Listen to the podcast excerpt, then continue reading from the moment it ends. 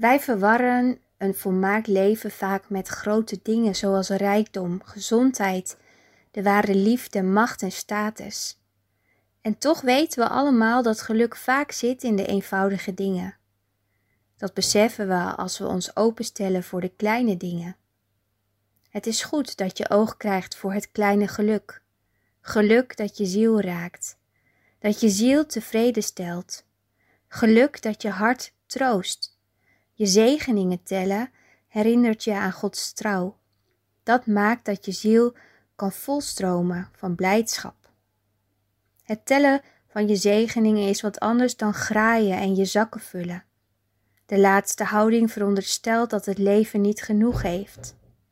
Het tellen van je zegeningen veronderstelt dat er genoeg is.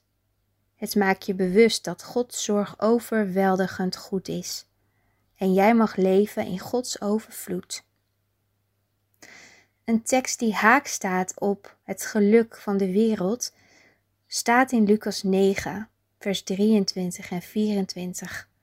Daar staat: Hij zei tegen hen allen: Als iemand achter mij wil komen, moet hij zichzelf verloochenen, zijn kruis dagelijks opnemen en mij volgen.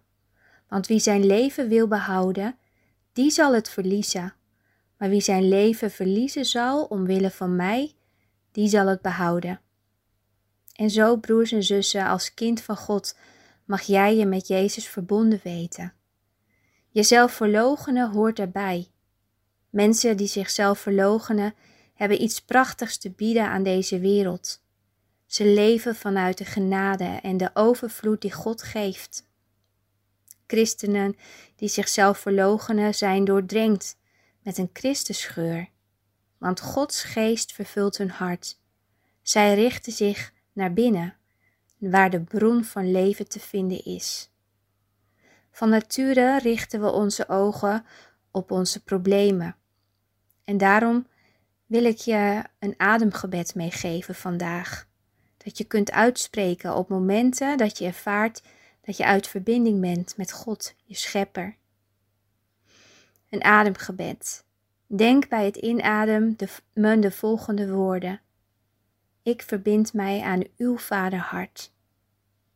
En als je uitademt, mag je de woorden spreken, opdat ik u zien kan, Jezus. Amen.